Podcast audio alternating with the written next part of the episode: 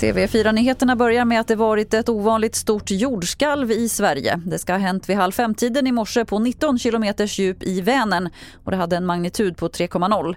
Boende i Åmål och Säffle ska ha känt av skalvet rejält och en person säger till Aftonbladet att det kändes i hela huset.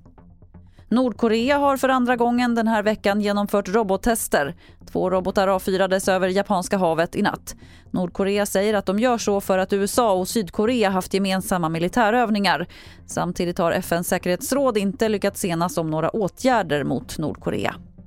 Idag får vi veta vem som får Nobels litteraturpris och det spekuleras hej vilt om vem som kommer få det. Så här säger besökare och personal på Gamla stans bokhandel om vem de tror får priset. Jag gissar på Annie Ernaux. Jag hoppas ju på Jamaica Kincaid då, från Antigua. Önskeförfattare eh, skulle väl vara Thomas Bernhard, men han är ju död så det går ju inte. Det roligaste är ju när det är någon som man inte känner till, eh, så att man blir lite överraskad och blir introducerad till ett nytt författarskap. Och klockan 13 får vi veta. Fler nyheter finns på tv4.se. Jag heter Lotta Wall.